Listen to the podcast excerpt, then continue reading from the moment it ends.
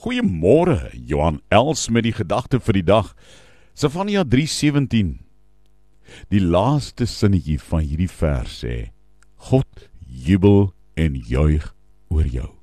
God jubel en juig oor jou. Hæ? God jubel en juig oor jou. Die woord wat hy gebruik in die ou Hebreëus beteken eintlik om iets blink te vryf. Sê net maar soos 'n koperpot wat aangeslaan het en jy vryf hom met brasou weer skoon. Dan blink hy. Of ou silwer wat jy weer met silwou skoon gevryf het en jy was hom met 'n bietjie suurlemoen in 'n warm water, dan blink daai ou aangeslaane silwer van ouma weer asof dit gister gemaak is.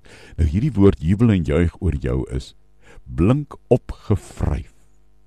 Soos 'n nuwe maan wat skyn, volmaan wat energie uitstraal in die donker nag. Wanneer jy niks kan sien, skyn God oor jou. En hy sê ek ek maak van jou myne, want ek jubel oor jou. Ek jubel oor jou.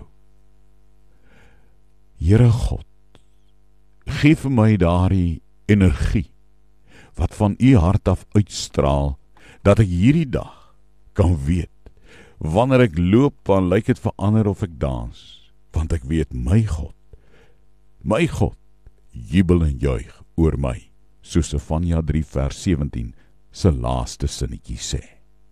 Amen